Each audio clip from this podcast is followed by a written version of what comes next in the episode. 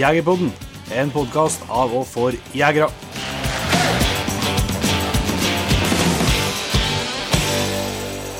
Hjertelig velkommen til en helt ny episode av Jegerpodden. Jon Ingevik, i dag er det to eh, vi sier, blidspente ra radioverter. Ja, det vil jeg si. Hvor Det, vært musete nå med alt har gått dårlig på jakta. Men nå, nå er det bra. nå har det tatt seg opp sist uke her. Ja, så det er bra. det. Men du kan si litt om dagens episode før vi starter med, med skruten. Det er sagt. Eh, så Det er en prat vi hadde med min onkel.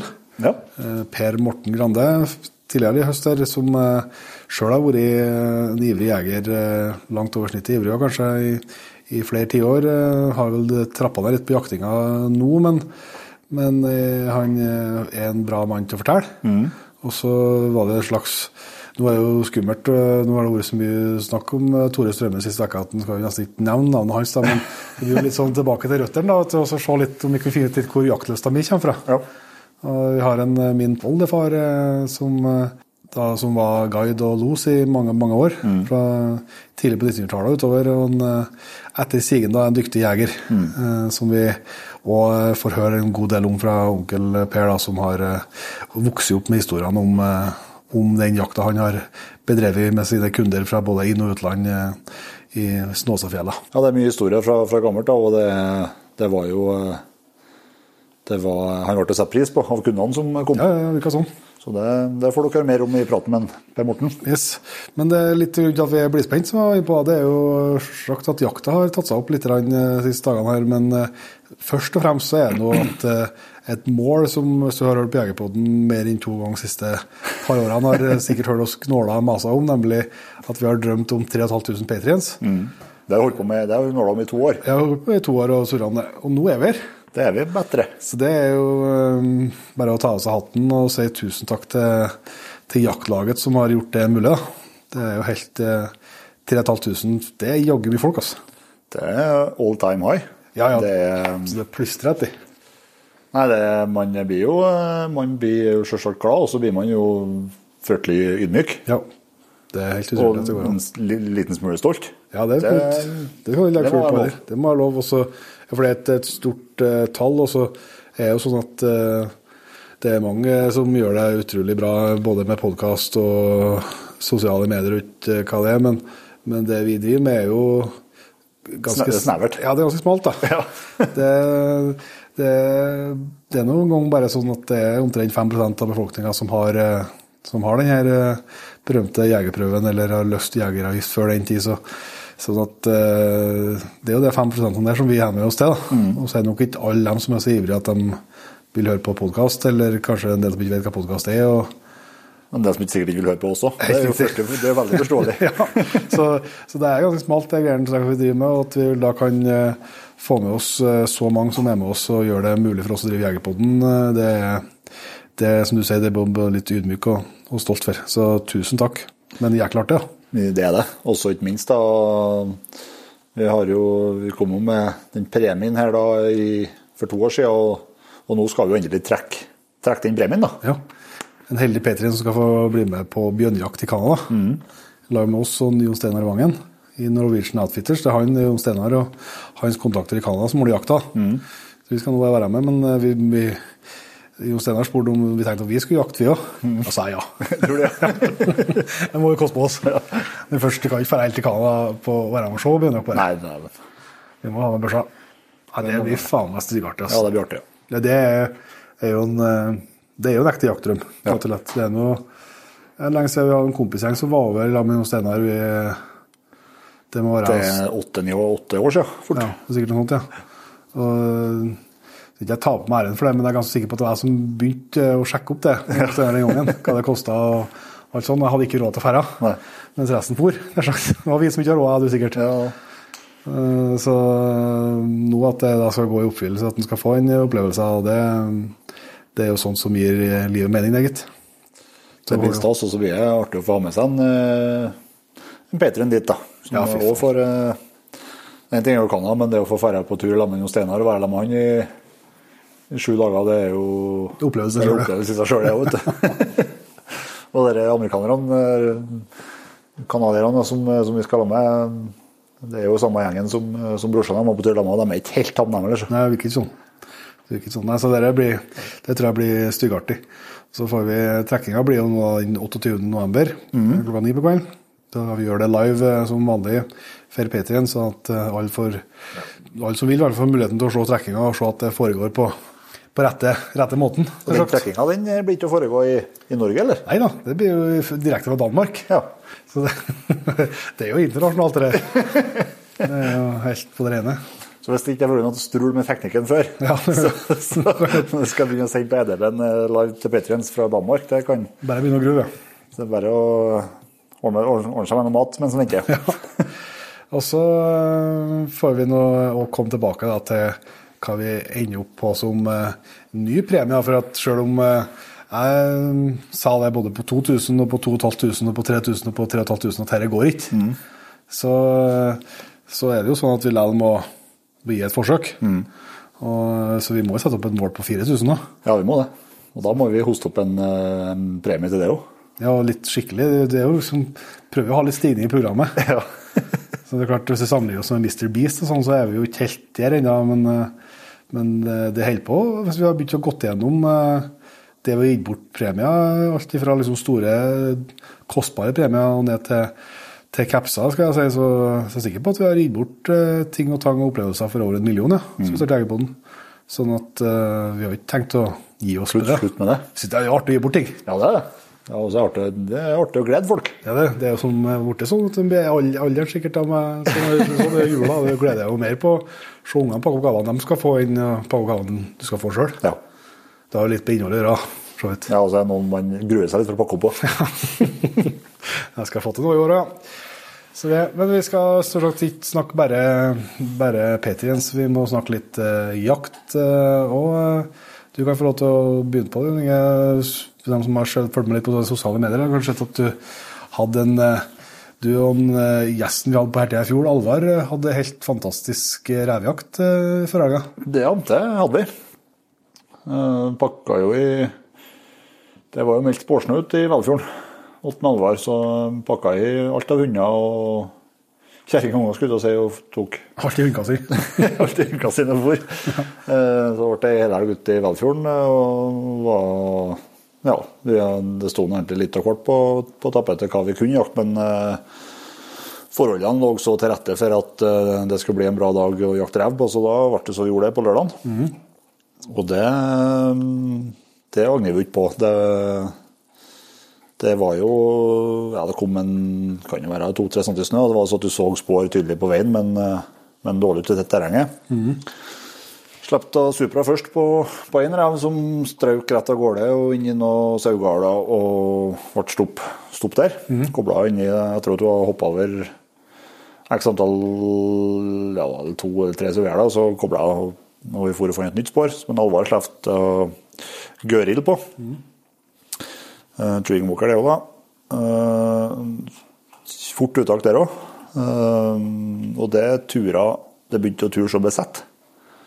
Uh, Det var nesten jeg følte på trekkeren at jeg lurte på om det var Harry ja, det, altså, det var Vi gjorde sånn en liten runde, en liten runde i starten. Mm. Det er nå for så vidt eh, Det er noe rett etter uttaket. Så da, men han kom tilbake til uttaksområdet, der turer han jo da på 350 meter da, i radius. da, så Rundt som en runding der, der er turinga. Og alle fikk se reven ikke bare én gang, men jeg fikk se den to ganger. Uten å få Det var litt for langt hold. da, Det ble mye skuddsjanse.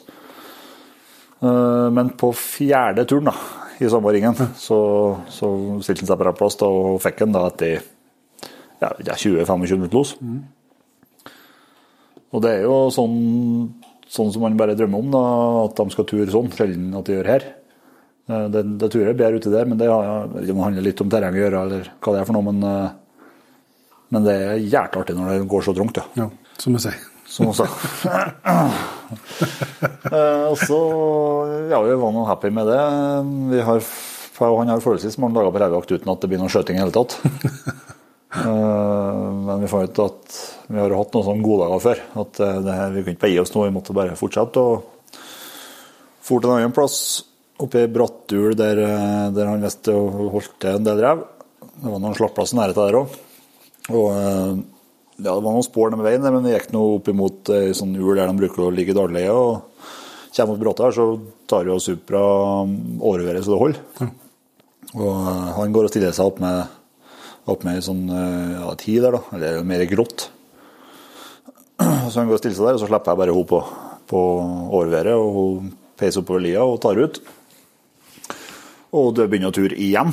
Så, og da gikk det liksom Ja, da tror jeg det var 350 meter bredt og 200 meter langt, skulle du si. Han for bare rundt og rundt en sånn bratt klipp som var der. Og jeg fikk se reven én gang, og så på litt for langt hold. Og så sprang han rundt, sprang seg på en alvar. Så han fikk se han. Ikke noe skuddmulighet. Kom tilbake til meg igjen, eh, enda litt lenger unna. Eh, og da Jeg gjorde sikkert en tabbe, for jeg prøvde å plystre på den for å få den til å stoppe, så jeg skulle ta med rifla ja. på, på drillingen. Eh, Da, da dro jeg litt mer ut. Ja.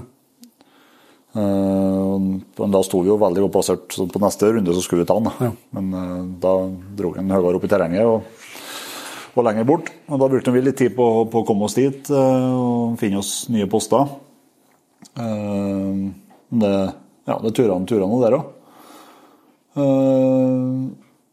Og da jeg ikke, hun kanskje losa i to og to og en halv time. Da. Og det er jo først slippet jeg har på henne den første dagen. jeg slipper opp, og så begynte jeg å se på farta og på losintensiteten at det kanskje begynte å dabbe av. Ja.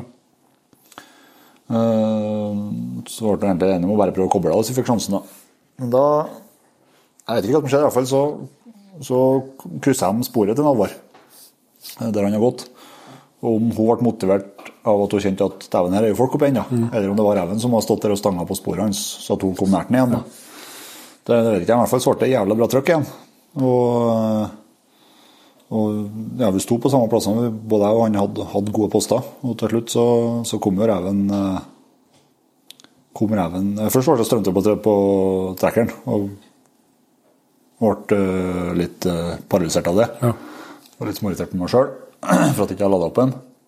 Men, eh, men eh, jeg hadde fortsatt kontakt med meg på, på Garmin og så at det begynte å nærme seg. Og så fikk jeg se, se reven kom i bratta over meg, og eh, den fortsatt for langt til å skjøte.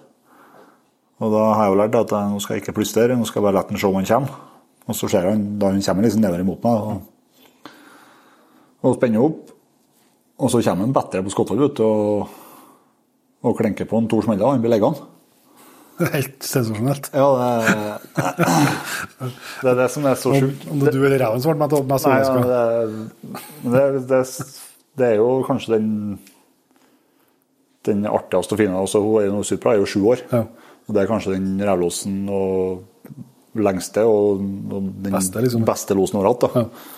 I hvert fall i, i den bratta som, som var der, som ikke hun i helt tatt ikke vant til å jage i bratt terreng. eh, I hvert fall ikke på ræva som turer sånn. Så da er hun imponert meg skikkelig med at hun klarte å holde liksom rede på den. Ja. Og så er så ærlig i losføringa som hun er òg. Mm. Men hun er altså sju år, og det er Nå vet ikke jeg om dette her Det sier vel sett om hvor dårlige hunder jeg har, eller hvor dårlige revjegere er, eller hvor, eh, eller hvor eh, forbaska håpløst terreng jeg normalt jakter til. Men det er altså først reven jeg sjøl skjøt for henne. Ja. Og hun er sju år. Jeg har vel litt med at uh, Norma har fått mye gode sjanser Ja, hun har fått, har fått mye gode sjanser. Uh, tidligere, da. Ja.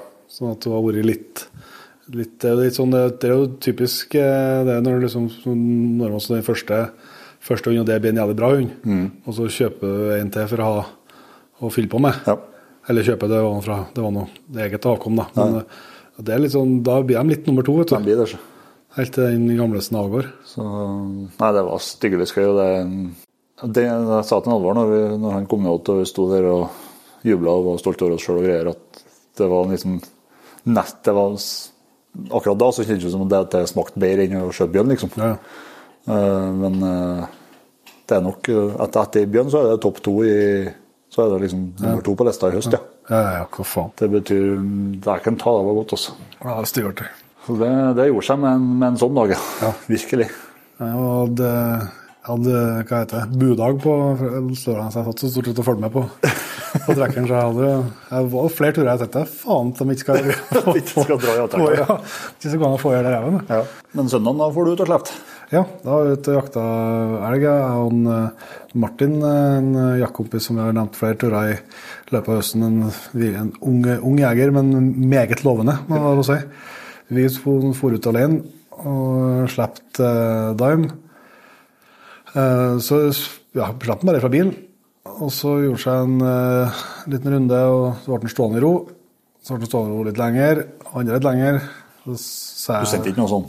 Nei, det er ikke er telefon. da var jeg faktisk ganske sikker på at, for at eh, det flytta seg litt altså Det var ikke sånn Det sto ikke på akkurat samme flekken. Nei, nei. Det var liksom flytta seg en meter i for hvert minutt, liksom. Ja. Så jeg skjønte jo at nå står han lag med elg. Og så gikk det ikke så lenge, så ja, kanskje et kvarter eller noe, så kom den første bofaen, da. Men da begynte den å røre på seg med en gang. ja. Og sto nært bilen.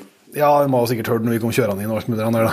Så, men eh, først så får vi den ut den til skulle ferde opp den plassen vi har sett dem har sprunget noen tidligere, tidligere ganger i høst. Eh, Men der kom han ikke den gangen her, da. Er fortsatt innover dalen. Men jeg var jo sikker på at det må jo bli stålos. For det er liksom, starten så stoppa og gikk og stoppa og gikk, men så ble det liksom bare mer og mer fart. Og så mista vi den opp på Garmin.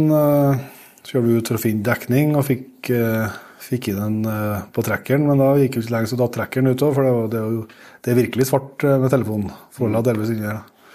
Så var han borte på trekkeren i 20 minutter. Da er nå eh, siste punktet vi hadde, da har han gått i ganglos i ett kjør. da, i Hvor langt det kan ende enden der? Fem kilometer, Fem kilometer, ja.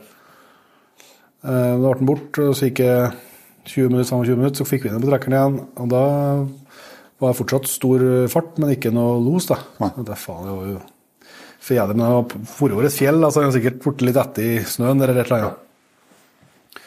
Og vi begynte å spekulere på hva vi skulle finne på, og så går det ikke bare en par kilometer til, og så blir jeg stående her igjen. Så da sa jeg til Martin nå, nå står sikkert med elgen igjen. Ja. Det blir snart los. Og det gangen der stemte det, da. Da ble det los, og da ble det noe stående. Skulle bare mangle at de 14, jeg tror det var 14-15 km jeg fant ut fra, fra uttaket til at jeg ble stående. Ja. Men da sto det til gjengjeld pall der, da. Det sto pall og sto på terrenget. Og sto på terrenget. Alt, ja, alt foregår på terrenget, faktisk. Det er jo litt, det er jo bra område. Ja. Um, og så, men det ble jo helt på andre Eller midt, egentlig midt i terrenget der, da. Men på andre kanten, liksom, så vi måtte dra rundt. Uh, og det er jo korte dager, så åh, vet jo at det er håpløst føre. Fint nede i dalen, men, uh, men jæklig bråkete og sånn så høyt opp som dere var stående. Så vi får nå innover både jeg og Martin uh, det var- tror det var fem og en halv kilometer da vi parkerte bilen uh, og inn til losen. Så du skal ha litt trua når du skal, skal begynne på den turen. Men, men det har du ikke så mye valg, da. Så gikk vi innover, og så er det et lang, stor kraftlinje som går der. Så vi hadde igjen en kilometer til losen cirka, så, så sendte jeg han videre oppover kraftlinja for å postere. eh, For jeg skjønte jo at det kom til å bli vanskelig å komme inn på losen. da. Men at jeg skulle komme meg rundt losen og så liksom prøve å styre. Skru opp på han, ja. Ja, det er noe sånn det har fungert de siste månedene. Ja, det er det.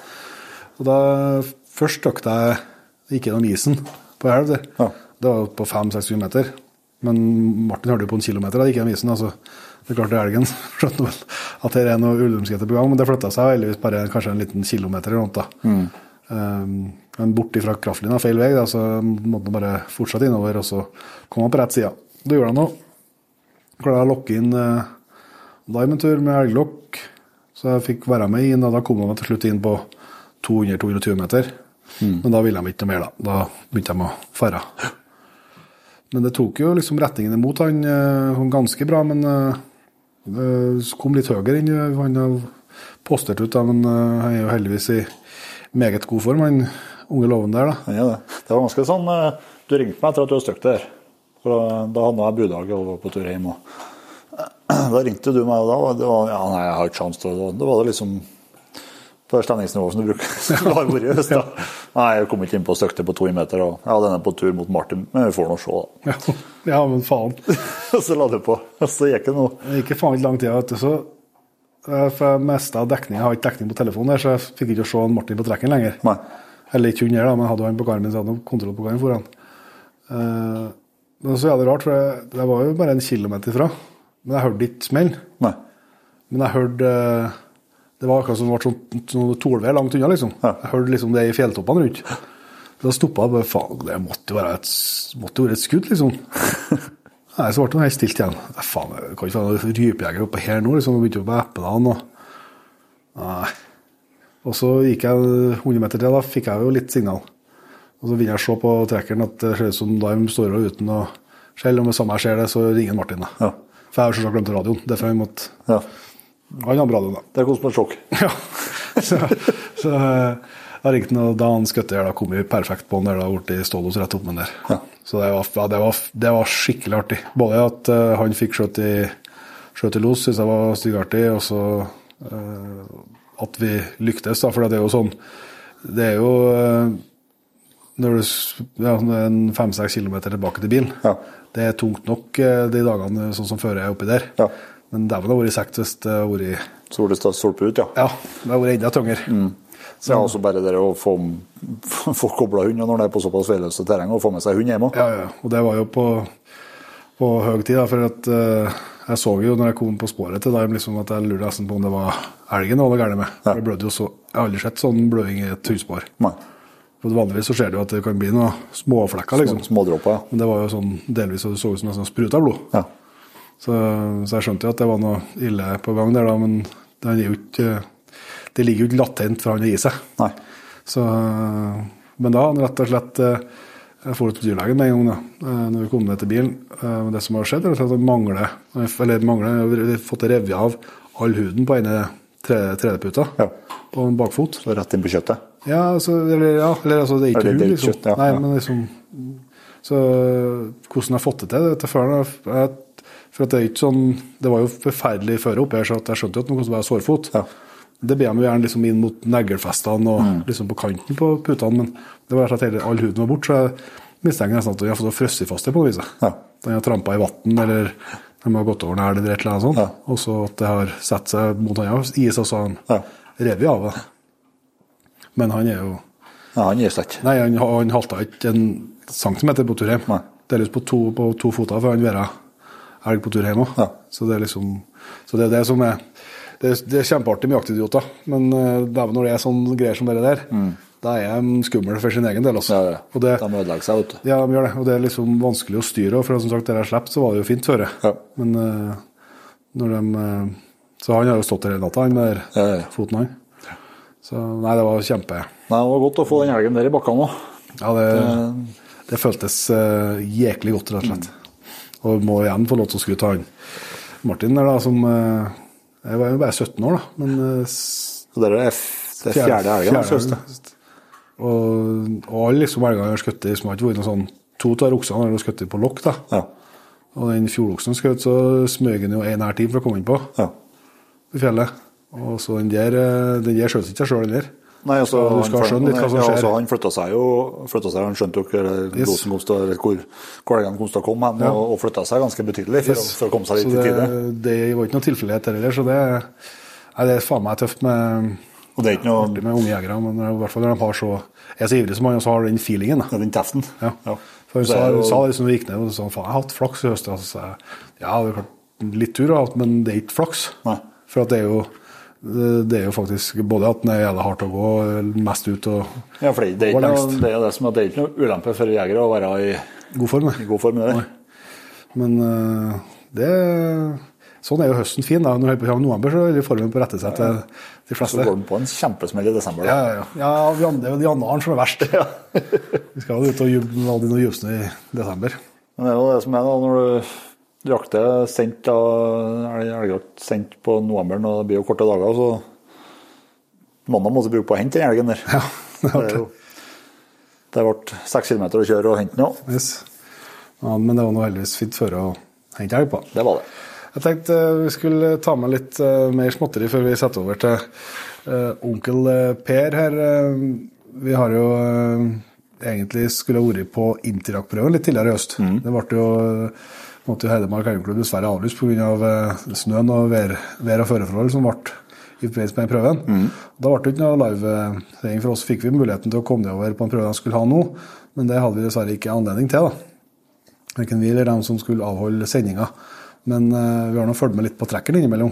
Og det tenkte jeg vi må ta med, for det, det er jo ikke alle som følger med så mye på løshunder og elg som vi gjør, da. Men eh, det skjedde litt sånn historisk eh, begivenhet her eh, på prøven. Det gjorde det. Men for det fremst så må man skryte av hele, hele prøven. For at det er ikke en ta, det var mye bra, mye bra elgarbeid. Og, og Det var en todagersprøve, og, og det var mye bra pre- premieringer. Ja, ja. Både på dag én og ikke minst på dag, dag to, som, som skal til for at du skal få førstepremie på, på todagers. Og det var tror jeg at Der har arrangørene truffet bra med, med terreng og, og eh, gjennomført en god prøve. Men det som er spesielt, som det refererte til, det er jo at eh, på dag én der så så jeg han eh, lederen i Elgundforbundet skrev at han, så vidt Elgundforbundet vet om, så ble altså eh, den første løsningsprøven som ble dømt til 100 poeng av 100 mulige, ble gått på dag én på den Metbox-prøven. Yes. Det er faen meg sjukt. Ja, altså, altså, det er nok eh, altså, det er kult på flere måter, syns jeg. For det ene er jo altså, hund, om, om hundprestasjon er noe bedre på 100 enn på 98. Ja, ja. Det er jo, kan jo selvsagt uh, diskutere. Som er, det, det er jo, når det er så høyt oppe i poengskalaen, så er det jo tilfeldigheter uansett. Da er jo alt på plass. Men, men, uh, så det, men det er jo utvilsomt en veldig veldig god hund. Ja. Men så er det jo skrutt til dommeren, liksom, for at jeg er jo litt innpå det før òg. For at jeg har spurt om liksom flere ganger. Ja. Både på livestream og sånn. Altså, for det er jo noe tørs å sette under. Ja. Og det, jeg syns det er helt rett å gjøre det du, du, hvis det ikke er noe trekk på. Nei, du, jeg- du, skal, du skal ikke sitte og lete etter noe trekk på eller? Nei, for jeg har jo hørt om mange, hvorvidt det er sånn uh, urban myths, da, som heter, men jeg har hørt om flere som jeg kjenner som har gått prøver opp, opp imot 100, Mm. der dommeren har sagt det. At her skulle jeg egentlig skrevet 100, men det tør ikke jeg gjøre. Eller det er ikke vits å gjøre, for at jeg blir styr på dommermøtet. Og sånn. Her er jo en, en fin anledning, for det er et, en samla prøve. En samleprøve, og det er et helt, det er også Dommermøtet foregår jo når, når dommerne kommer inn, og det, der sitter jo eh, masse dommere som sitter og vurderer det samme, og vurderer skolekortet. Og det er akkurat som du sier, jeg synes det er, det er tøft gjort av og han dommeren. er jo ikke noe Den er jo ikke noe, noe gamlekar. Han er jo han er jo på alderen med Han er yngre enn oss, faktisk. Det er går an. Og eh, han er dyktig og, og flink og, og har dømt mye unna, men, eh, men det å ha gutsen til å torde å bruke, bruke hele kortet, Det er, det er, det er, det er bra, altså. Og i hvert fall da når, når en da har hele dommermøtet i, i ryggen og, Ja. og går for den. Altså, det, så, jeg det var kjempeartig. Ikke at, ikke, ikke at det skal komme for at det skal være mer 100 poengsprøver, det er jo ikke det som er poenget, men, men det er jo artig at, eh, at hele skalaen faktisk kan brukes når, eh, Når alt er perfekt. Alt, er perfekt. Så er liksom, Annen fun fact eh, om den prøven hadde, er at den ble gått på den, den, det terrenget som vi ikke, ikke får elg på første gang første gang jeg gikk prøve sist. For 14 år siden. Ja. Ja. Så det gikk an å få til poeng der, da. Det gjorde det. Men det, du var vel inne på at han har vel gått i fire timer og Jeg tror, jeg tror han fant elg da det var fem minutter igjen av prøvetida. ja, gikk, Eller søkstida, da, rett og slett. han gikk i søk i fire, fire timer og 55 minutter. Ja, sånn jeg forsto jeg. Så det var helt sånn i siste, siste sjanse. Ja. Så det, nei, det var kjempetøft. Så det, men vi kan jo nevne navnet, da, så at det er sagt. Det er altså Tillosens eh, SC Atlas, som er en eh, Erlend Rindal Andersen sin, da, som eh, fikk, gikk de her fantastiske prøven. Eh, og dommeren var André Tronerud. Så det er litt artig og kureste å ta med. Mm. Og så må vi jo selvsagt få lov, når vi er i gang først med å snakke om eh, Metbox-prøven, da, og gratulere tidligere gjest i Jegerpodden. Hvordan Arverud? Yes, med ON Cash. eh, eh, Vi var jo det er et halvannet år siden og snakka til han om hvorfor han får til så mye bra hunder hele tida. Mm. det virker som det er stabilt, ja. Det er stabilt, det. ja det var en cash, det tror jeg er en jækla hund, ja. Vi har noe vi har Ola på Snap, og det er du òg. Vi har nå sett at det, det har falt forholdsvis bra melk for han i ja det er ikke bare prøver som går godt, nei. Nei. Det, og så har han jo 100 innkalling, da. Det Det er ikke noe minus, det. Nei. Men han er i hvert fall ærlig nok til å si at han tror det er medfødt. Ja. Så det er bra. Ja, det var litt uh, kuriositet. Eh, Du var jo inne på helt i starten her, at uh, livesendinga uh, av trekkinga av Canada-turen skal foregå fra Danmark. for Det-. Yes. Den er jo, det handler jo om at uh, vi skal på tur eh, igjen på jegertonerinnspilling. Vi skal rett og slett eh, til Danmark eh, på jakt. Danmark i mitt hode det er jo ett vall. Ja. Det- så jeg er litt spent på litt spent på om vi skal få det. Jakt i, i fire-fem dager. Hvordan i all verden har vi tenkt vi skal få plass til det? Ja, jeg tror de produksjonen har, eh, de har en bra plan eh, for oss eh, på det opplegget der, og det skal bli spennende. Ja, det blir kjempeartig. Vi skal jakte på det Jeg har vært i Danmark en gang før. ja, men ikke, ikke, Ikke, på jakt. ikke ute på bygden. Nei, og så Det kan ikke være Legoland, liksom. Du skal så, Det kan jo godt si. Ja, det det skal sikkert være noen konkurranser. ja, ser borti bort fra kanskje blir noen legobygging. Så, men da skal vi i hvert fall eh, eh, kose oss og forhåpentligvis lage noe spennende eh, TV for, eh, for dere som hører på og se etter hvert. Eh, men i den forbindelse tenkte vi at vi skulle benytte anledningen til å lage en, eh, en podkastepisode med våre gode jaktkompiser eh, Svein Jæger Hansen og Marius Hestegri. Eh, og i det, da har vi jo håpa at du som hører på, vil eh, stille noen spørsmål. Og kanskje noen dilemma. Vi har hatt noen sånne runder før, bare jeg og du. Men Nå er eh, det også anledning til å stille de samme, ikke de samme, men finn, da stille spørsmål eller dilemmaer til en Magnus som sier nå. Ja, ja. Kanskje er det noen som lurer på hva produksjonen eh, lurer på hva de tenker om noen nå, det er ikke sikkert vi tør å slippe til dem, nei. Eh, Men i hvert fall så blir jeg gitt mulighet eh, for det. Jeg tenkte å skrive en liten heads up på det. Det blir lagt ut på Facebook og på Instagram og på Patrion-sida vår på søndag. Så det er muligheter for å gå inn der og bidra. Og så er det selvsagt sånn at eh, blant dem som bidrar, så trekker vi ut noen fine premier. det gjør vi. Der pleier vi å gi bort en sånn Voren SR10. Ja, det tenkte jeg. Så det litt For har de har testa De har kjørt eh, Spor Miljødirektoratet om det var mulig å bruke den til oppskjøting. Jepp, og det var innafor. Ja. Så da er jo enda en grunn til å kjøpe noen sånne. Så det Apropos varer. Tjenester. Varer og tjenester. Det er jo Black Week eh, nå, Petter. Det hører helt ferskt. Det er Black Friday. Ja, ikke sant? Vi har kasta oss på trenden, vi. Ja. Så det er masse gode tilbud eh, å finne i Jegerpoden nettbutikk. Eh, både nyheter og, og varer vi har hatt eh, tidligere, og som er på, på salg, som heter det. Yes. Så det håper jeg at noen har lyst til å klikke og sjekke ut. Og så håper jeg òg at eh, noen eh, som har lyst til å komme og eh, ta en prat og høre på litt podkast i Oslo den 13. desember. Da har vi eh, Jegerpodden live på eh, Eldorado kino. Du kan finne billetter på tasopp.no.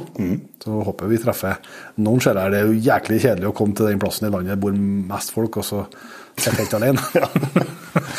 Ti publikum. ja, det er liksom er ordet, det føles som ordet landet rundt, og så skal vi komme til Oslo, og så er det tomt. Det kan, sånn kan det ikke bli. Nei da. Det må gå bra. Det må gå bra. Nei, men Vi setter over til, til en Per Morten, vi. Da vil jeg glede å ønske Per Morten Grande hjertelig velkommen til Jegerpodden. Jo, takk. Eller Onkel Per, da, som jeg bruker å kalle deg til vanlig. Ja.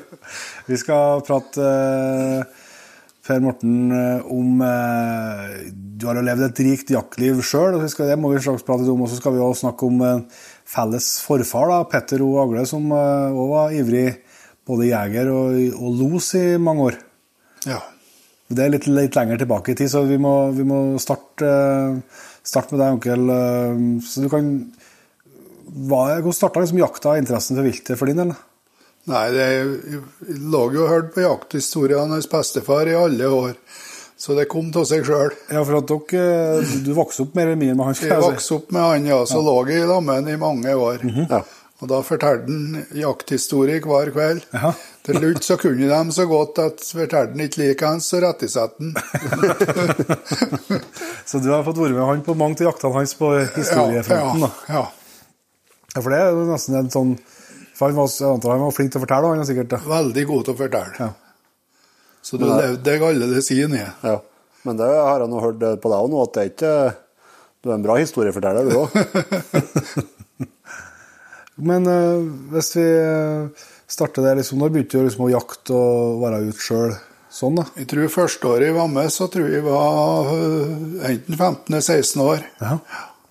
Det var starten. Da starta du med fuglejakt eller elgjakt, eller? Elgjakt. Ja. Men eh, til å begynne med da, så var det jo ikke noe elg. Vi har jo ikke elg på mange år borti marka her i hele tatt. Nei, for dette er på 70 Ja, han var jo utskutt i. Ja. Så begynte han jo smått om senn å stige, da. ja. Ja. Og ble voldsomt mye til slutt. Ja, for du har vært med på en bra reise sånn sett på Ja, ja, ja. elgstammen. da. Det har jeg vært med på, ja. Fra ingenting til en veldig stor eh, Stamme, ja. Når var han, sånn at han er på tur litt, litt ned igjen nå, når, når, når var det på topp, da? Nei, for en ti år siden, kanskje. Ja. Da var jeg veldig mye borti marka her, i hvert fall. Ja. Mye å være til. Ja. Men du har jo borti deg mange elger, vet jeg, hvis vi kommer tilbake til, men den første elgen din, kjent på den? Ja. Hvordan det foregikk? Eh, Da gikk jeg med en svarthund og- og kom den på 40 meter Ja. og fikk skjøtt den. Det var ei fjolku, og det var ei stor opplevelse. Det var, og det var fjolku òg. Ja, ja, ja. ja. Det var det, det, var det ja. Det var ikke tvil der. Hvor gammel var du? Nei, da var jeg vel en over 20 år. Ja. Så du var med ganske mange år der før det ble noe fall? Ja. Ja, jeg var det, ja. Det var ikke rart det hvis det ikke var elg, da. Nei, jeg var ikke noe elg, vet du, så det Men du har jakta elg i mange, mange år, og så vet jeg at eh, du har vært hundekar i veldig mange av de årene òg. Var det bestefar som liksom begynte med Så du vokste opp med elghunder? Liksom, det var hist- historiene fra din bestefar igjen om, om lurehundene hans som gjorde at du ble, fikk interessen for Nei, jeg fikk noen hund som guttunge. Ja. Som en bastard. Som de brukte noe på elgjakt. Han ble nok ganske bra på elgjakt, da, men det var jo før i min tid. da. Ja. Så den andre hunden vi hadde, da begynte jeg å gå på jakt. da. Ja. Og da begynte du med svarthund, eller? Nei, da var jeg gråhund. Gråhund først. Ja. Og så ble det en svarthund. Ja. Og den var veldig bra, den første vi hadde. Og den andre svarthunden vi hadde, han var veldig bra på jakt, men han greide ikke å holde kjeft i gården. Skjelt, kom med bil, så skjelte han. For i bil, så skjelte han. Så han gikk meg totalt på nervene til slutt. Så han ble avlivet av den grunn. ja. Men etter det så har det vært gråhunder. Det var gråhunder, ja. Men det har kun vært bannhunder? Altså, eller- Bare bannhunder, ja. ja. og lu- ja. Hva var det som gjorde at du bytta fra svarthund til gråhund den gangen? da? Nei, jeg ble nå så lei av det sjangeret. Men nå er det jo ny svarthund borti gården, ser jeg, Ja. så nå har de kommet tilbake igjen. Og den er stille. Ja. Og veldig rolig og fin. Ja. Og flink på jakt. Ja. Så det Nei, den kan ikke Ikke sammenligning imot, imot, som de var, ja. Nei. Den er veldig Nesten hører ikke henne skjelle. Det har skjedd ting. Det har skjedd ting der, ja. De tror de avla ei høl svarthund. Ja. Og så et, men det har, det har- det har skjedd veldig mye bra senere årene, ja. Ja. Med dem. ja, så er det Både med helse og lynne og Ja. Så er det en rase som er på tur, på tur opp. Blitt veldig, veldig populær nå. ja, jeg blitt det. Ja. Jeg vet ikke om de bruker dem som løshund, da, det vet jeg ikke. Nei, det tror jeg ikke jeg. Har vel noen som har dem løs litt, men det er vel eh, mest av bandhundlinja. Ja, ja. Det tror jeg. Men det her eh, du hadde opp igjennom, hva, hvis du skal hvis du skal eh, trekke fram eh, Hvem var likeste hundene du har hatt? En som kalles Sakko. Ja. Det er den Sakko som jeg kommer på, eller? Ja. Ja. Den kjøpte sånn Per Arne Løv, Løvhaugen. Ja. Og den var veldig bra-. Ja. For, for du hadde jo, da hadde du noen mye tilfeller med noe, både på jakt, men etter hvert ja. mye ettersøk og trafikkskader og sånn. Ja. De glemmer aldri de, de ringte fra politiet at de har kjørt på en elg oppå heia. Det var sist på august. Jaha. Og Så skulle han vente, han som har kjørt på den, til de kom. da. Så jeg hadde med hunden, og så sa han nei, du trenger ikke noe bikkje, han ligger jo nedi der, sa han. Østlending, dere. Ja, hunden må nå få være med, han, sa jeg. Og så begynte vi å gå sporet. Og så ble det så kom vi inn på gammel E6-en. Der ble det runde spor, og så blod til dem. Ja. Og så kom vi inn på han, han hadde vært inne i et gjønhøl, og så han lå han oppå en haug. Så vi kom inn på han, da, og da reiste han seg opp. Og da ble han stående nesten rett opp og ned, for begge bakfotene var kutta oppi oh. kneledda. ja. Så han gikk på beinstumpene. Det var så de at det ble så rare spor. Ja. Er ikke noe skjøten der, da. Men du har vært på ettersøk eh, på julaften, har du ikke? Jo, jo, jo. det, var, det var litt spesielt, det. For vi har akkurat etter middag og skulle til å åpne gavene, og så ringte politiet. Brøytebilen har kjørt på ei stor ku oppå heia og lå der med henne bakfota. Ja. Så reiste vi nå dit, Jon Folke, da, lyst på med scooteren, så bauka han opp på framenden for å komme seg unna. da, Og skjøt han nå der, da. Ja. Og Det er jo ikke så mye trafikk heller på julaften. Nei, vi snakka om det at skulle du ky- tjuvskjøte elg, så var det rett kvelden å gjøre. det passerte ikke en bil mens vi gjorde opp elgen. Jeg kan tenke meg det. ja. Så det, Men det her var fra at du begynte i viltnemnda, da? Ja. At du ble eh, involvert i det her? ja, og da var det noe rett som det var ut, da. Ja. Når du begynte, du var lang karriere i viltnemnda, eller? Tolv år som leder, Ja. så var jeg der i, i 16 år i alt. Ja. ja. Og det var jo selvsagt fra jeg så Det var en plakat på veggen her, det ser jeg det står 380 til 99. Altså, så det er jo en periode der det skjer mye med viltet. Veldig mye påkjørsel på jernbanen, da, vet Ja. du. Ja. Ja, og så I tillegg begynner jo Bjørn å komme tilbake ved Ja, fullt og i den ja. samme perioden. Og, Ja da. Men spesielt jernbanen var noe stygg med elgen. Ja. ja. Ja, for det er en ting som er altså, Når elgstammen eh, er på tur opp, Ja. så stiger, stiger jo antallet påkjørte på Lina, ja, ja, ja.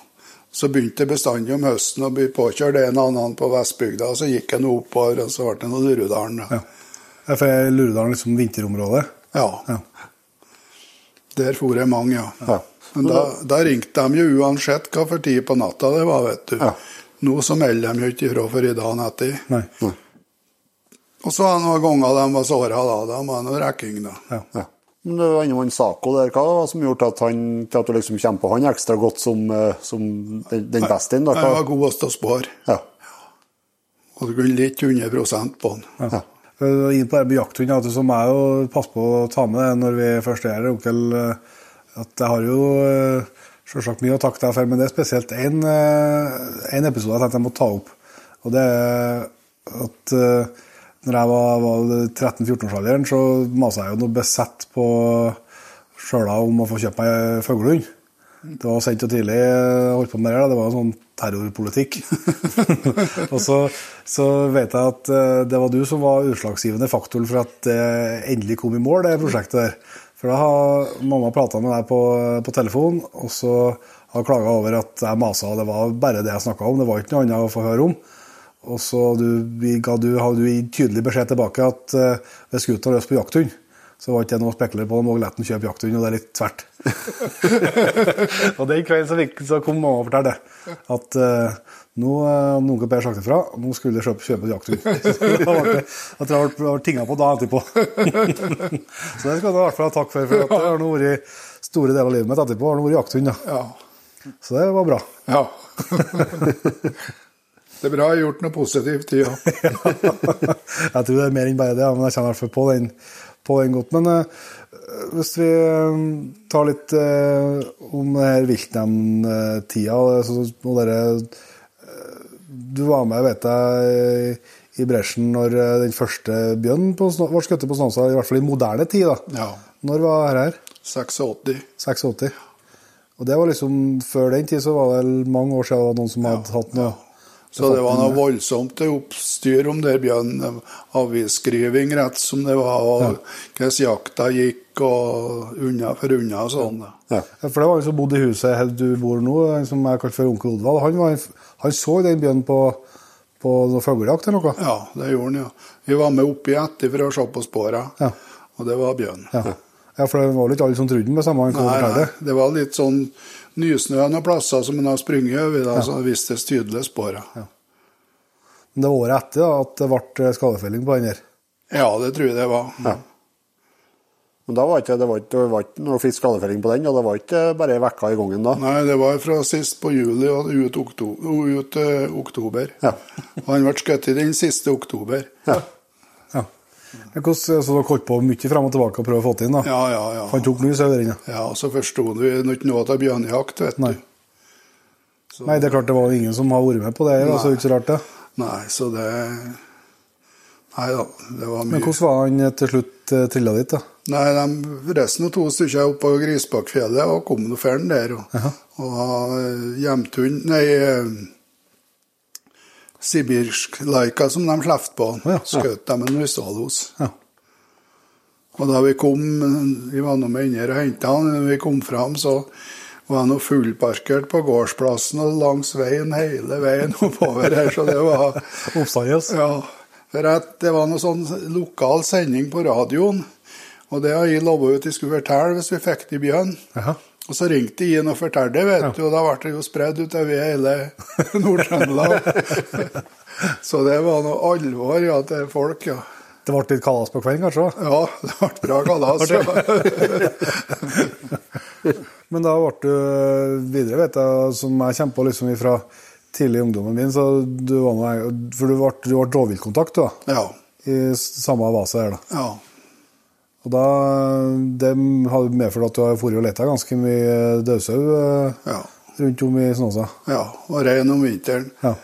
Men spesielt daudsau, da, det var noe voldsomt. Vi har sett mange hundre daudsauer som er tatt til bjørn. Ja. Så var nå, de var nå ikke like trivelige, alle de har ligget litt lenge, så var de nå litt sånn Ja, litt Du, ja. du har sett noen kilo med Kvitmark òg? Ja, ja, ja. ja. Men det gjorde meg ingenting. Nei. Jeg kunne godt sett meg og drukket kaffe på sidene sånn en, ja, det Men har du, fikk, har du sett bjørn liksom i, i levende live i skogen? To ganger. To ganger, ja. Den første som ble merka på Snåsa, han så jeg i levende live. Jaha. Men han ramla nå klovene av etter et døgn. Oh. Så det, de har ikke vært helt heldige, de som merka han. Nei. Og så så jeg den Rauberg-mamsen. Han så jeg noen år senere. Ja. Han var voldsomt stor. Ja. Ja. Og den tok noe enormt med med sau? enormt med sau. Ja. Så det Ja, han hadde litt tilhold litt annet sted. Han var inne i fjellgårdene inne mot svenskegrensa. Ja, ja, ja. Han passerte nå Gandalen når han for til Sverige. da. Ja. Han peila han jo mange ganger der. Ja. Det var en fugling, ja. Men Det var dvæsa noe rovviltkontakt? Ja, det ble noe det med tid og stund. Det var noe fylkesmann til å begynne med. Ja, så så- ble det Nesa nå, Ja. som tok over Ja, så I starten var det gudkarat til fylkesmannen ja, når det Ja, var noe. ja. Så ringte noen saueeierne de har funnet noe, da, så var de dit og finne ut hva som har tatt det. da. Ja. Men var du deltaker liksom, i skadefellingslaget lokalt her, da? Ja, det var ei stund, ja. Ja. Men den eh, der eh, gråhundene du hadde, var det noen av dem som spåra bjørn? Liksom, så du kunne... Nei, ikke det vet jeg om, nei. Nei. Det var ikke noen av dem som var du hadde, Men brukte, brukte du dem når du leta sau? og Hadde med? Liksom, Nei, nei, nei. For bare gikk på egen hånd? Ja. Ja. Det var jo stort sett saueeierne som fant kadavere, så varsla nå dem. da. Ja, altså bare dokumentert mye? Så måtte du nå rykke ut, da. Så det var mye uro det sommeren, ja. Ja, det vil jeg tro. Er Bra form til elgjakten starta. Ja. Særlig inni Rokdalen og Skjekkra var det noe mye da. vet du. Ja. Ja, for det er det som er på, på Snåsa her, at det er noe virkelig noe område her som er, Langt unna, ja. ja, som er Det er villmark. Det kommer jo en gang vi gikk innover i og saueeier, og da fant vi to sauer inne i elva med Gifstadseterne. Og de var varme, de lå i vannet. Og så gikk vi nå innover fjellet, og da fant vi ni kadaver. Og den siste vi fant, han levde, men juret og brystet var tatt på Ja. Så han bare gått uh, og skyndt seg innover fjellet? Ja. Så vi måtte nå bare stikke i hjel. Ja. Hvis vi går over litt eh, og snakker litt om uh, Petter O. Agle, da. Som er altså din, eh, din bestefar og min eh, oldefar. Eh, og litt over snittet ivrig jeger og etter hvert en, en anerkjent los, på noen, kunne, eller guide, da, som vi sier i dag. Han, når var han født? 1883. Ja. Og så gikk han bort i 74. ja.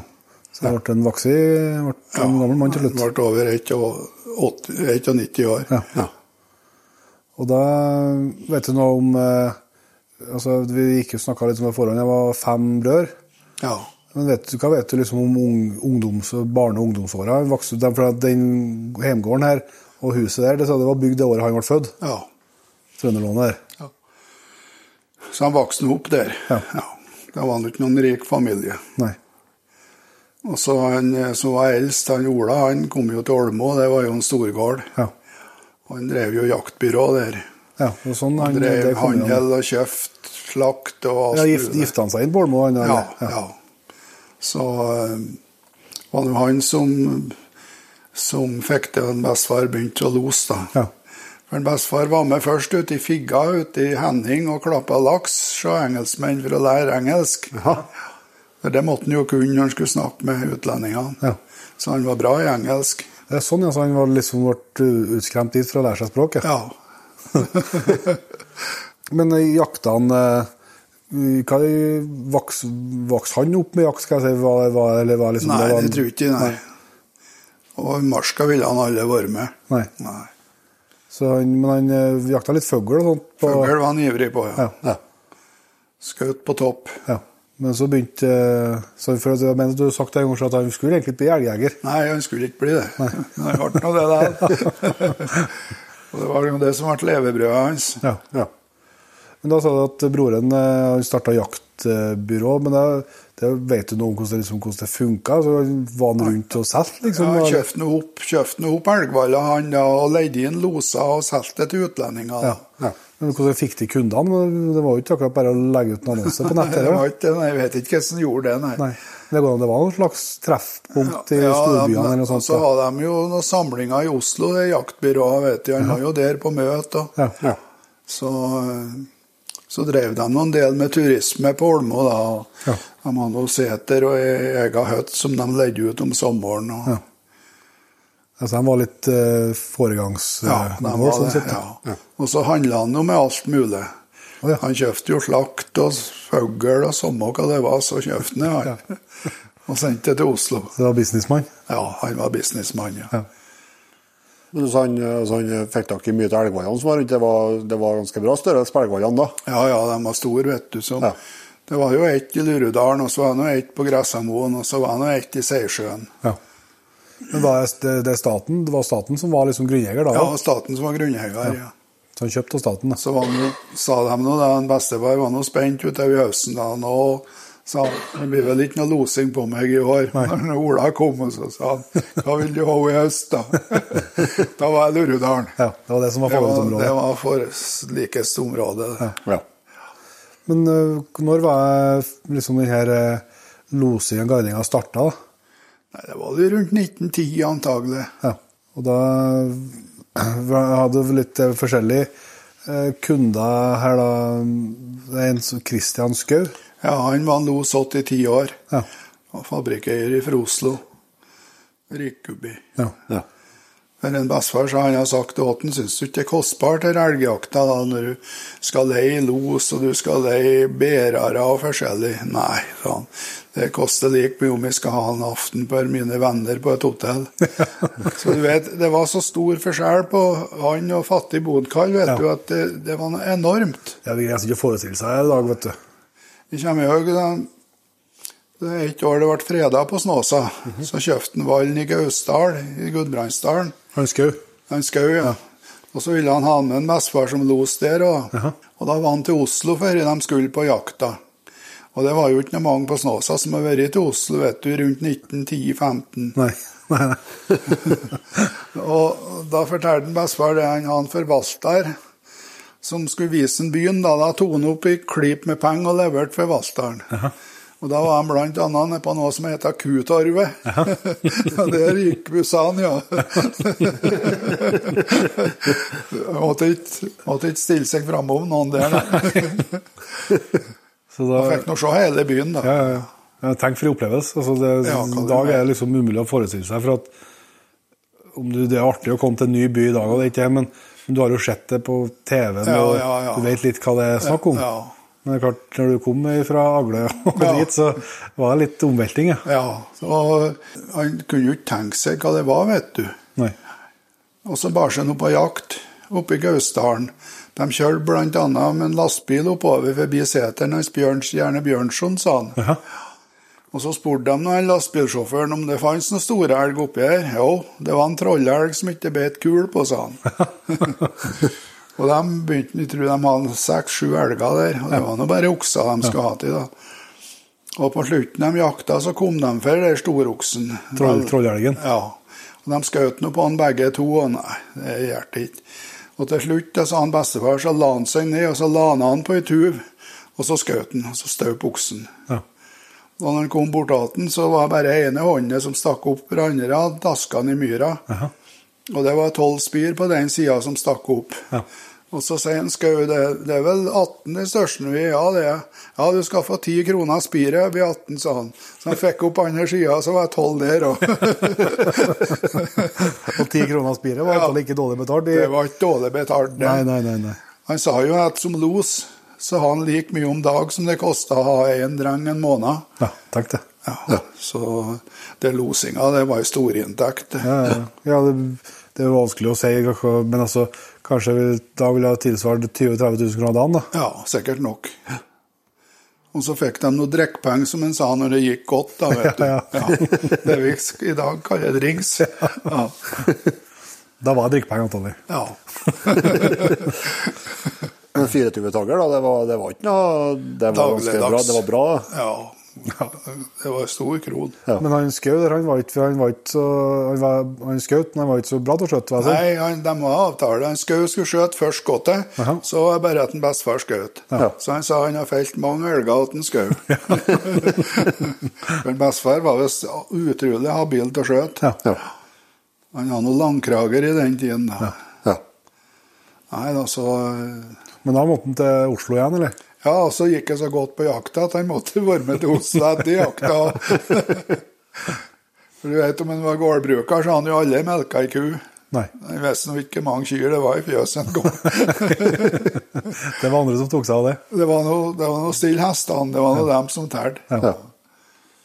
Så nei da, det, det De snakka om det at når de skulle investere i et eller annet, så måtte det var, vi må dryte etter jakta. Ja. For da kom det inn ekstra penger. Ja. Ja, for at eh, klart eh, Du sa at det var ikke noe fattig Nei, det var ikke noe rik familie. Så, altså, og sånn det var på ja, hele Norge, for så vidt, med PC. Så bygd inn på slutten på 1800-tallet, tidlig 1900-tallet. Så det er klart det her eh, Det var store penger som, eh, og, og mye folk som klarte å tjene penger på den jakta og det som ble solgt. og Ja, ja, ja. Det var jo kokker, det var jo bærere, det var jo noen som hadde dem til å bore post inne i fjellet, blant annet. Ja. Så det Hele samfunnet egentlig som kjenner på Ja, det Hele var- samfunnet og kommunen kjenner på, kjenner- på, på den typen form for, for jakt. da, Ja, og- ja, ja. ja.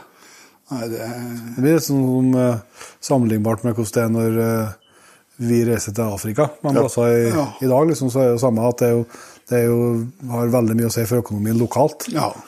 At det er, at det er sånn type turisme. Selv om vi, for oss i dag så i Norge så er vi jo luksusdyr, og, Ja. og jakta er luksus, liksom. Men, eh, Ja. men det er fortsatt sånn en plass i verden. Og så fortalte han Skau kom en høst, så han med ny jaktdress til en bestefar. Han syntes han begynte å bli slett i den han hadde. Men han måtte love han én ting, at gammeldressen måtte han ha i sekken hver dag. For det fulgte sånn tur med den.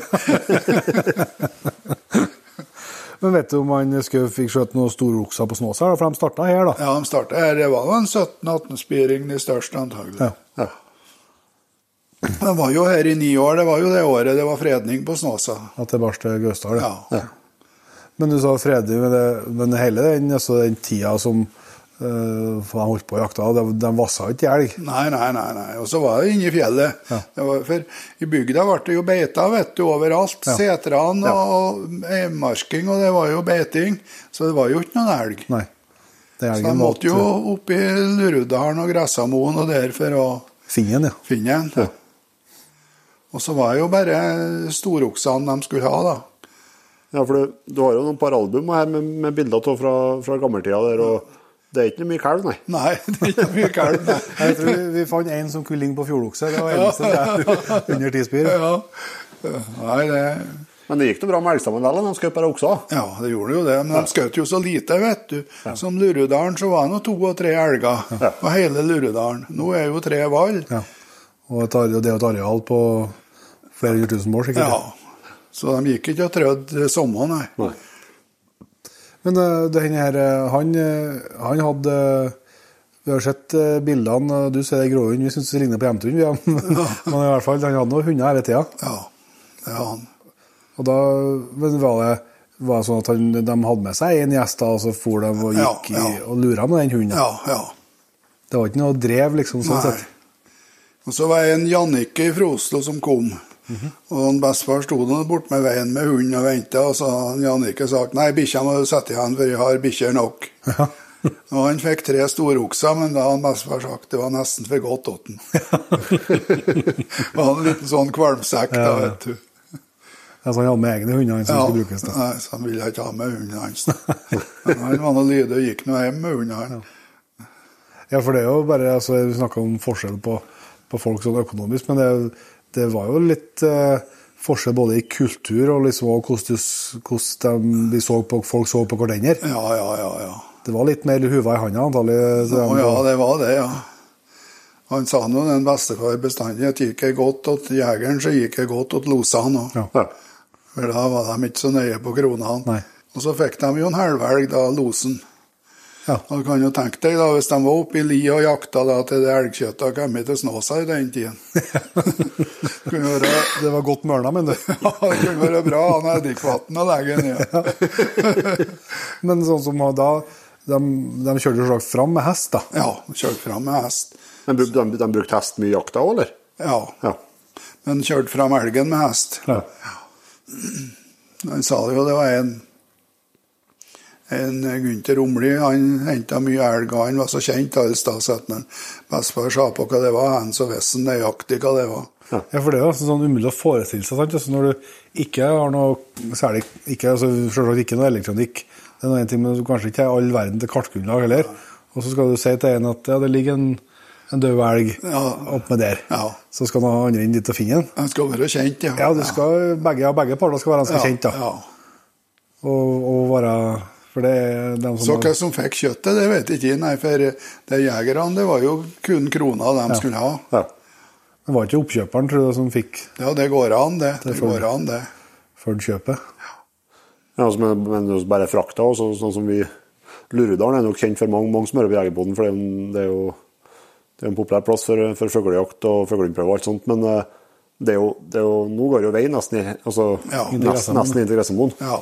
Det er ganske langt innover, men den veien eh, vil jeg tro ikke var der da. Nei, nei, det var ikke det.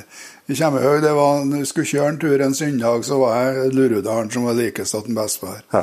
Jeg kommer en gang vi kom og kjørte nedover, sa han. Her, her, akkurat her skjøt vi en stor okse. Da var det ikke noen vei, da. Nei. Men da hva de starta på? hadde hva, de, hadde de noe jaktbu eller hytte eller seter? eller Bodd, liksom, Han, i- han Krupp fikk jo oppsatt hytt. Ja, for Krupp det var en eh, storkunde som kom etter kvarter. Ja, og han fikk oppsatt hytte. Så har de jo her eh, hyttene som enten om det var fjellstyret da, eller var staten som eide dem, det vet jeg ikke. Nei. Men mer sånn åpne, åpne buer, skal jeg si. Ja, som de bodde i, da. Så hadde de noe delvis med kokk, da, vet du. Ja. Og så sa han, bestefar, da, vet du, da var det litt sånn, da, da satt han på kjøkkenet og åt og jegeren inne i stugu. Ja. Da ble det litt, da ble det litt forskjell på dem igjen. Ja. Men hvis det har gått godt på jakta, da, så sa jegeren ofte i kveld skal han Petter ha dram til maten òg. Du vet, hadde du hørt noe sånt i dag, så hadde du dratt. Ja, dæken, ikke det har liksom ikke blitt til da. Nei, men det var vanlig, det, Ja, sa ja, han. ja, det var jo sånn, sånn det var. Alle ja, sikkert. det. Det var, det var forskjell på folk. Ja, det var det, ja. Stor forskjell òg. Du, Du sa Krupp her, da. Det, hadde, men hadde han eh, noe, f- han var, Det var en tysker som begynte å komme hit på Ja, sju, jeg tror om det var i 27 første året han var her. Ja. Han kom i eget tog fra Tyskland. Ja, tenkte jeg. Tenk på det. Eget, det, det, det holder på litt schwung over. Ja, Ja, det, er, det er mye privatfly sånn, når du har et eget tog Ja. Det er litt mer arbeid både med å Du, skal, du har jo samme lina å kjøre på. Ja, ja. Og det er tøft. altså. Nei, da, så var han, Bestefar sa det var en gammel krupp, som han sa, og så han med to sønner. Jaha. Så var det de tre som losa åt dem, da. Ja, ja. De for én og én, skal jeg si. Ja. Så jakta de hver for seg, da. Ja. Men det er en Krupp her, det er en sånn industrimagnat industrimagnat ja, Russland? Ja. ja. Fra Tyskland, ja. Tyskland, ja. ja, Tyskland, ja. ja. De sa han stelte alt fra synålet til kanoner. Ja. Så det var en storkar uten like. ja. Men kanskje han kom opp i ødemarka igjen, det var jo sikkert en opplevelse for dem. ja. Ja, ja, ja. Det ble ikke, kom sikkert fra en storby i Tyskland sjøl, Ja, og så ja, ja. kommer og så hvordan folk bodde og hadde det her. Ja. ja.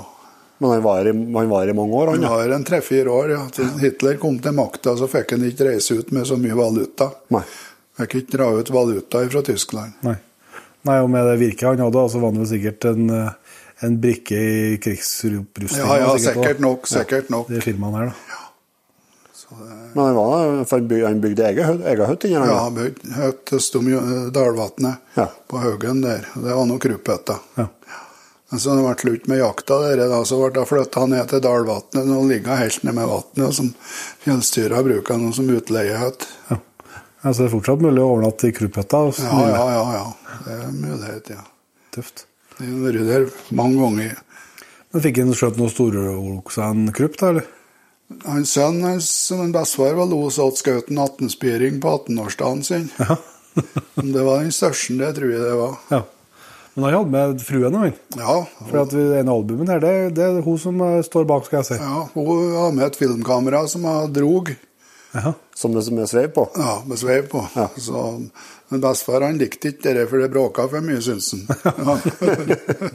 Nå filma han jo ei ku som gikk over elva. Ja, ja sånn storokse i elv der òg. Ja, som er skutt i, ja. Så det Så hun, nå jakta ikke, hun var bare med på Hun var bare med, ja. reisefølget. Ja. Men eh, det var prøyserdisiplin der, ja. For han fortalte dem bestefar han kom, kom til Olmo og skulle hilse på dem, så satt de inn, da, han Krupp og fruen og, og Ola og han bestefar, og så kom, kom Nei, to av guttene som satt inn, hun var ikke fruen, men når hun kom, så spratt guttene opp og sto i grunnstilling til hun sa 'sitt'. Dæven. Det er- sånn hjemme hos dere. Det er ikke sånn hjemme. Det var Til tider så er jeg voksne som står i det. Men det var ikke noen historie om at uh, oldefar har boret henne over elva? Ja, han bar henne over elma på Posserygg, og hun kjerringa vog 90 kilo, sa han. Ja, det var litt tak, det. Ja. Ja, så han var sterk. Men jeg har tenkt på det mange ganger etter den, men har stuppet mitt ut i elva. Ja. Han har ikke gjort det å drikke antagelig. Nei. Men hun sa de var på Gressamoen, det var så trivelig der, for der kunne hun gå til samme kjolen hele dagen. sånn var det ikke i Nei, Tyskland. Det var vel litt mer vanlig på Agla antallet å gå i samme kjolen hele dagen. Ja, ja, ja. ja. Hele året. Men du, det ligger jo noe, det ligger jo noe våpen og noe kikkert og forskjellig oppe hos her. ja det er en flott sånn krupp. Ja. De var tre losene, bestefar, han Erik Formoe og Nord Tøllefsan, og de fikk kikkert og, og børs, alle tre. Ja. Det, er Det var en Martens der som, som handla kom med. ja, på vegne av en krupp, da. Ja. Ja. Og det her børsa er en gammel uh, Steyr Mannlicher. Ja. Og et utrolig eh, flott våpen. Det skulle ikke være noe mange som matcha dere på Snåsa eh, Nei, hva du på 30-tallet. Hva du mener? Og et litt spesielt kaliber òg. Ja. 6,5 ganger 55 MS. 54. 54 MS. Ja. ja. Det er tett opp til en 1600 antall men Ja, det er det, ja. Men du verden, for et, altså for et håndverk, da. Det, det står 1903 på låskassen. Ja. Men mekanismen og alt er jo funksjonibelt. Og Ja, du har ja, skutt med sjøl. Ja, ja, ja. Skutt i mange, skutt i hop med, henne. Ja. Skutt i rådyr med, ja. Hun er nå Hun har vært med noen år. Ja, ja. Ja, det er håndverk, ja. Ja, likeens den der size, det er en gammel size-kikkert, den eh, håndkikkerten, og kikka i den. Det finnes, Du får kjøpt optikk i dag som ikke matcher dette. Ja. ja. Enda det er 100 år gammelt. ja. Så jeg vil tro bare, Det er jo nesten umulig å forestille seg for oss, selvsagt, men, men å liksom, tenk på det når de fikk det i handa, Ja. og fikk se den kikkerten første gangen. Ja. For en opplevelse må være liksom De påsto de sto hjemme på gården, så så de oppi seteren, de så folket gikk over vollen der. de har aldri sett noe sånt Nei, det er hva du mener. Nei. For, liksom, for en revolusjon, liksom. Ja. ja, så må du tenke deg hva det er jo ikke noe Kan tenke deg hva det koster Ja, ja. for noe, for noe, for noe gaver å få, Ja, å få ja, liksom. kan skjønne det. Kan skjønne det. Så var de her og skjøt opp børsene. Da, da har bestemora mi leid kokk og greier. da Det skulle være ordentlig. da. Ja. Ja, for det var Abid der. De skulle ha prøveskjøting. Ja, pizza. Ja. Da var de i dress, og det var ikke noe tull da, gitt. Dress og hatt. Yes. Ja. Men etter, eh, etter eh, Krupp, da, var det, var, var det Krupp liksom som var den utenlandske kunden? Hadde hadde han flere fra Ja, ja, han, han, er blant annet en Fullratter fra Sveits. Ja. Han var nå en par-tre år. Ja. Han skjøt noen flere storokser. Ja.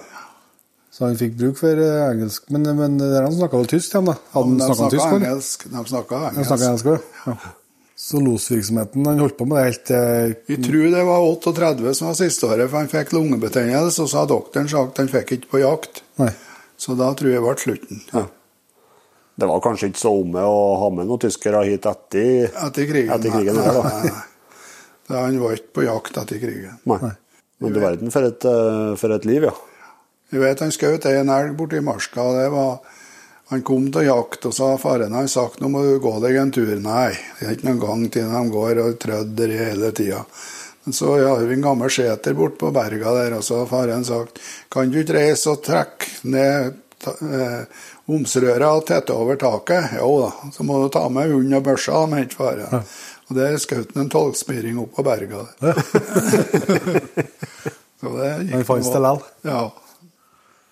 Men så han var ikke, for han var ikke noe gira på jakta? Liksom, Nei, nei, nei, borti hen. i Nei, bygda, nei, hva liksom, du mener, sa han, å gå hen og trø borti marsking, som er vant med hele Lurudalen. Det ble stor forskjell. Ja. Ja. Men selv om kvotene var beskjedne, altså så de, de fikk jo liksom tak i de elgene de skulle ha. Altså, Ja, det ja, det ja. ble ikke sånn de jakta opp etter gjestene var forrige, skal jeg si. Nei, nei, nei, nei.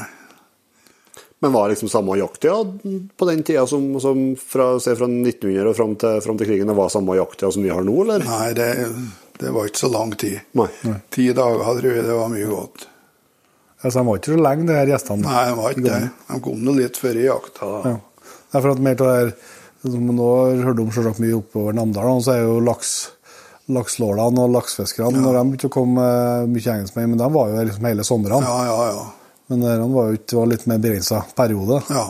Men det er klart, i den tid var en stor inntekt til kommunen og dere. Ja. Men det her, eh, vet du noe mer om det her jaktbyrået til han eh, på Olmo her, da, hvor eh, holdt avslutta stedet liksom rundt krigstiden? Liksom, eller Ja, det fortsatt vet etter jeg ikke. Det vet jeg ikke. Nei. Det er for klart det ble noen selvsagt i, i krig, Ja, ja, krigsåra ja. uansett, da, men Han drev godt, han. Men han, eh, han var jo med, vi har jo sett bildene, så vi ser jo at det er falt mye storokser. Men, men eh, til han som til mange jegere, så den aller største, den, eh, den ikke, fikk de ikke med. Aller største når han så. Nei. Han sa det, de gikk inn på en kjempeokse inni Gressamoen, og han jegeren han fikk fullstendig skjolven. Ja. Han tømte magasinet, men han fikk ikke i hår, av han. Men så ble det tjuvskutt en inni lierne senere på høsten, og den var vi 30 spir på. Ja. Så den mente det var den de hadde vært inne på. Ja. det var fryktelig å stå og se på, altså. ja, for han var borti det, både at folk fikk, gjester fikk skjolven, og både at de frøs Fikk til. de jaktfeber, som han sa. De greide ikke å slå til sikringene engang. Helt lamma. Ja. Så det var forskjellig. Da er det tamt å måtte vente på at de skal løsne for skuddet, ja. Eh, Men en annen, eh, annen kjent jeger, da, Per, som eh, oldefar har guida som helt på tampen av karrieren, det var han Schultz, eller? Ja, han var med som los til han. Ja. Jeg tror det var siste året en Schultz var på jakt. Jaha. De var nå inne i Luredalen, men han var ikke ute til eller han. Han satt inn og drakk, sa han bestefar, og så var han som jakta og skjøt elgen. det er en avtale det går an å bli enig om, det. Ja, så han skjøt vel tre okser åt han. Ja. Ja, for han, var jo, han er jo kjent fortsatt og har skrevet både bøker og Ja, ja, ja. er veldig omtalt, han Schulz. Ja, ja, ja. Han var jo gammel da. Ja. Og det siste året han var ute. Ja. ja. Vi snakka litt om, eh, om eh, at han har hunder. Han har, det var en stubb eh, du nevnte som han liksom trakk fram som ekstra Ja, den skulle være veldig god. De, og han kom rekende til gårds en gang. Oh. Og så tok de nå inn den valpen, og han ble nå der. Og så plutselig en dag så kommer en kar og sier 'Jeg så ikke de hunden min'. Men det ble noe styr da, vet du. Ja. Nei da, de skulle få ha han. Ja. Og det ble en veldig god jakthund. ja. Han hadde kløft rumpa på han, eller før på noe vis, for han har bare kort rump. Sånn de kaller han for stubb, da. Ja. Så han ble det mye elger for antallet. Ja, det ble det.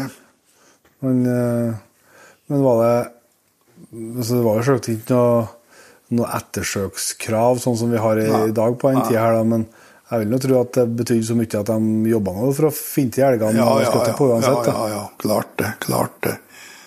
Det var jo prestisje i det. Ja. Ja. Det var, det var, og det er klart det var vel like vondt den gangen som det er i dag, hvis en måtte leve noe som en var, var skadd i marka, liksom. Ja, ja, ja. Nei da, så det hørte jeg aldri om at det ikke lykkes, nei. Nei. De gikk nå etter, da. Ja. ja. Det er jo artig å lære nye ting om, eh, om opphavet, da, men også liksom det her, vi var alltid sånn fascinert av, av den her eh, å tenke tilbake på Klart, de visste jo ikke noe annet, så men liksom å tenke tilbake på både altså, at de fikk det til, og fikk i kunder og, og for til fjells, men liksom uten mye av det som vi tar som en selvfølge i dag. Ja. Men de klarte nå- de klarte noe seg med det de, de har. og Bildene ligger jo ikke, oksene ligger der. ja.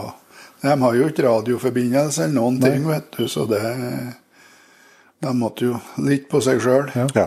ja, så klart at også de, sånn som dem som de som kom òg, de var jo helt avhengig av å ha med seg kjentfolk. Ja, ja, ja. Det var jo det som var datidens GPS, på et vis. Ja, ja, det var det. Som en Krupp kom hit, han vet, har jo ikke peiling på Lurudalen, han. Nei, nei, nei. Sier seg sjøl, det. Ja. Nei, men hvis vi eh, skal begynne å runde av, da, så er det jo sånn at vi ofte eh, prøver å, å få til å runde av med ei, ei jakthistorie eller to. Da. Eh, det kan jo være både fra, losen, men det kan jo være fra ditt eh, jaktliv òg. Du kan jo få starta med Du har nå en 13-spiring, har du ikke? Jo. Den største du har skutt sjøl? Ja. Det var en som skjøt på den først, da, så kom han på meg, så skjøt han igjen en. Ja. Er det noen andre jakthistorier du har lyst til å trekke fram før vi runder av? Ja, jeg kommer jo den skjøt en tispiring, og det var jo litt spesielt, for jeg kom jo Kjerringa har vært på tyttebærplukking om høsten og sett en stor okse, og så har jeg kvalp, svart hund den gangen, Ja. og klappa der hundene, og han der skal vi ta, ja. Og først morgenen så går jeg bortover stasjonshøgda, som vi sier, og så over på andre sida av dalen, og sikkert en 250 meter, der ligger en familie med en stor okse. Ja. og jeg knøt fast valpen og la meg ned og trykte noe på han der. Han kom nå på fotene, og så skjøt jeg ett til, men han forsvant jo.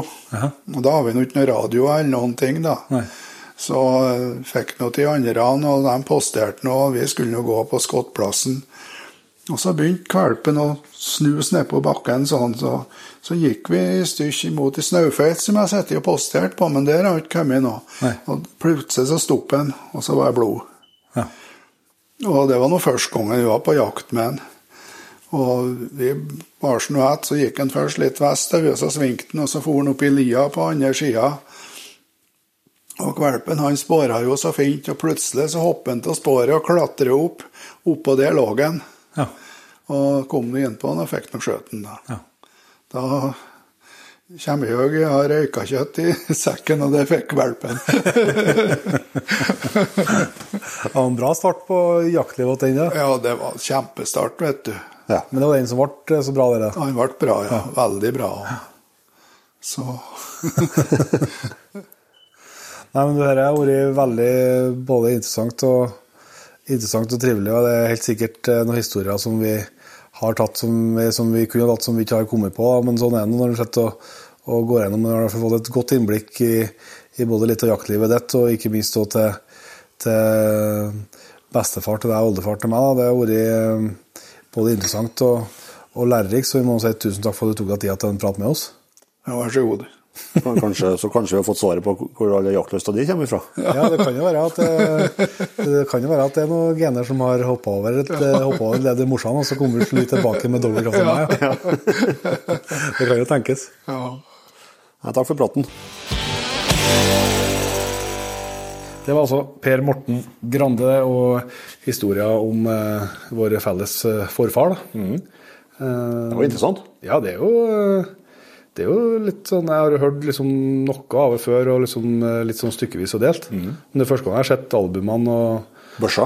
børsa, ikke minst. Og det er jo Vi har jo hatt litt sånn Tidligere om eh, før jul, så har vi hatt i fjor hadde vi med far din, og, og jeg vi hadde med bror din. Og, eh, og det er liksom samme tidsrommet. og det som jeg har snakket med onkel Per noe som, eh, som sitter på historier som han liksom har, har vokst opp med. Mm. Så det er jo mye artigere å få høre de her historiene på den måten her.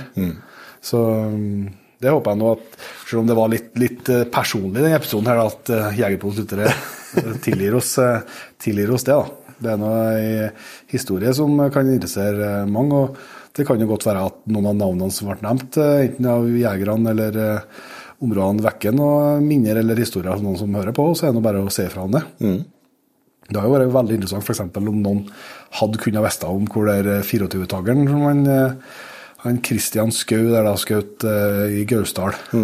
Det er jo tvilsomt at det er kasta. Det er sikkert en plass. Det finnes sikkert, helt sikkert en plass. Det er i hvert fall eh, burde ha vært og pung hvis du kaster en 24-tager eh, hvis det ikke er. Så kanskje det henger en plass. Ja. Det, men eh, som vi starta episoden med, så har vi jo fått inn masse nye patrions. Inge. Det har vi. En lang, lang, vakker liste med, med, folk som har vært med og gjort det mulig i lag med dem som allerede er med i jaktlaget, at vi skulle nå målet om 3500 patrients. Så skal vi komme oss gjennom lista her, så er det bare én måte å gjøre det på. Start på toppen og si tusen hjertelig takk til Roar. Henning Krangnes. Gunnar Alin. Tor Anders Sørå. Håvard Husby. Magnus Rugnes. Anders Hjelten. Robin Hammersmark. Camilla Sund. Harald Joakim Hillestad Michaelsen. Audun Olsen Skaldehaug. Ketil Oppdal. Raimond Vangen. Elin Synnøve Båfjord. Kristoffer Vestli. Jimmy Eriksen. Petter Breivik Sommervold. Elin Marie. Kate Kjørsvik. Magnus Larsen. Anne Inger Birkely. Ingar Christer. Amund Bekkevold. Ola André Synes. Odd Roar Johansen. Petter Oliver Nergård. Anders Stormoen. Erlend Røysum. Marius Helmersen. Rune Nordlund. Einar Solli. Ole Arntzen. Espen Bråten. Stian Myhre Martinsen. Kim André Halseth. Rune Stensosen.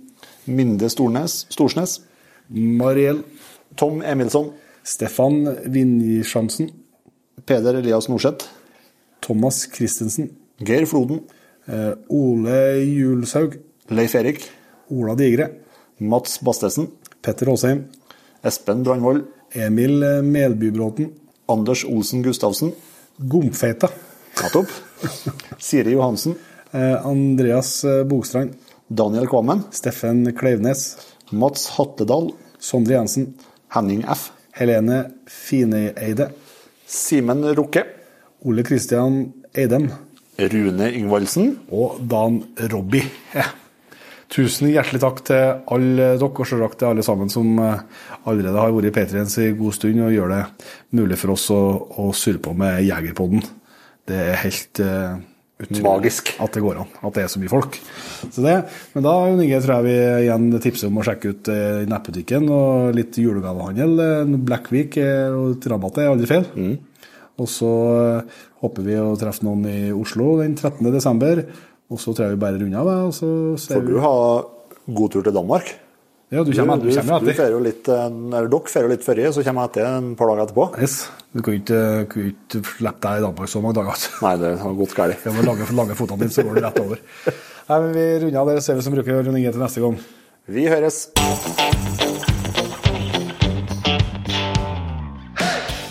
Tusen hjertelig takk for at du valgte å bruke litt av tida di på Jegerpodden.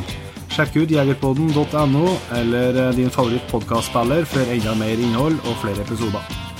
Følg også Jegerpodden på Facebook og Instagram, og ikke minst, husk å fortelle alle gode venner, familie og tilfeldige forbipasserende om Jegerpodden, sånn at vi får spredd det glade budskap videre.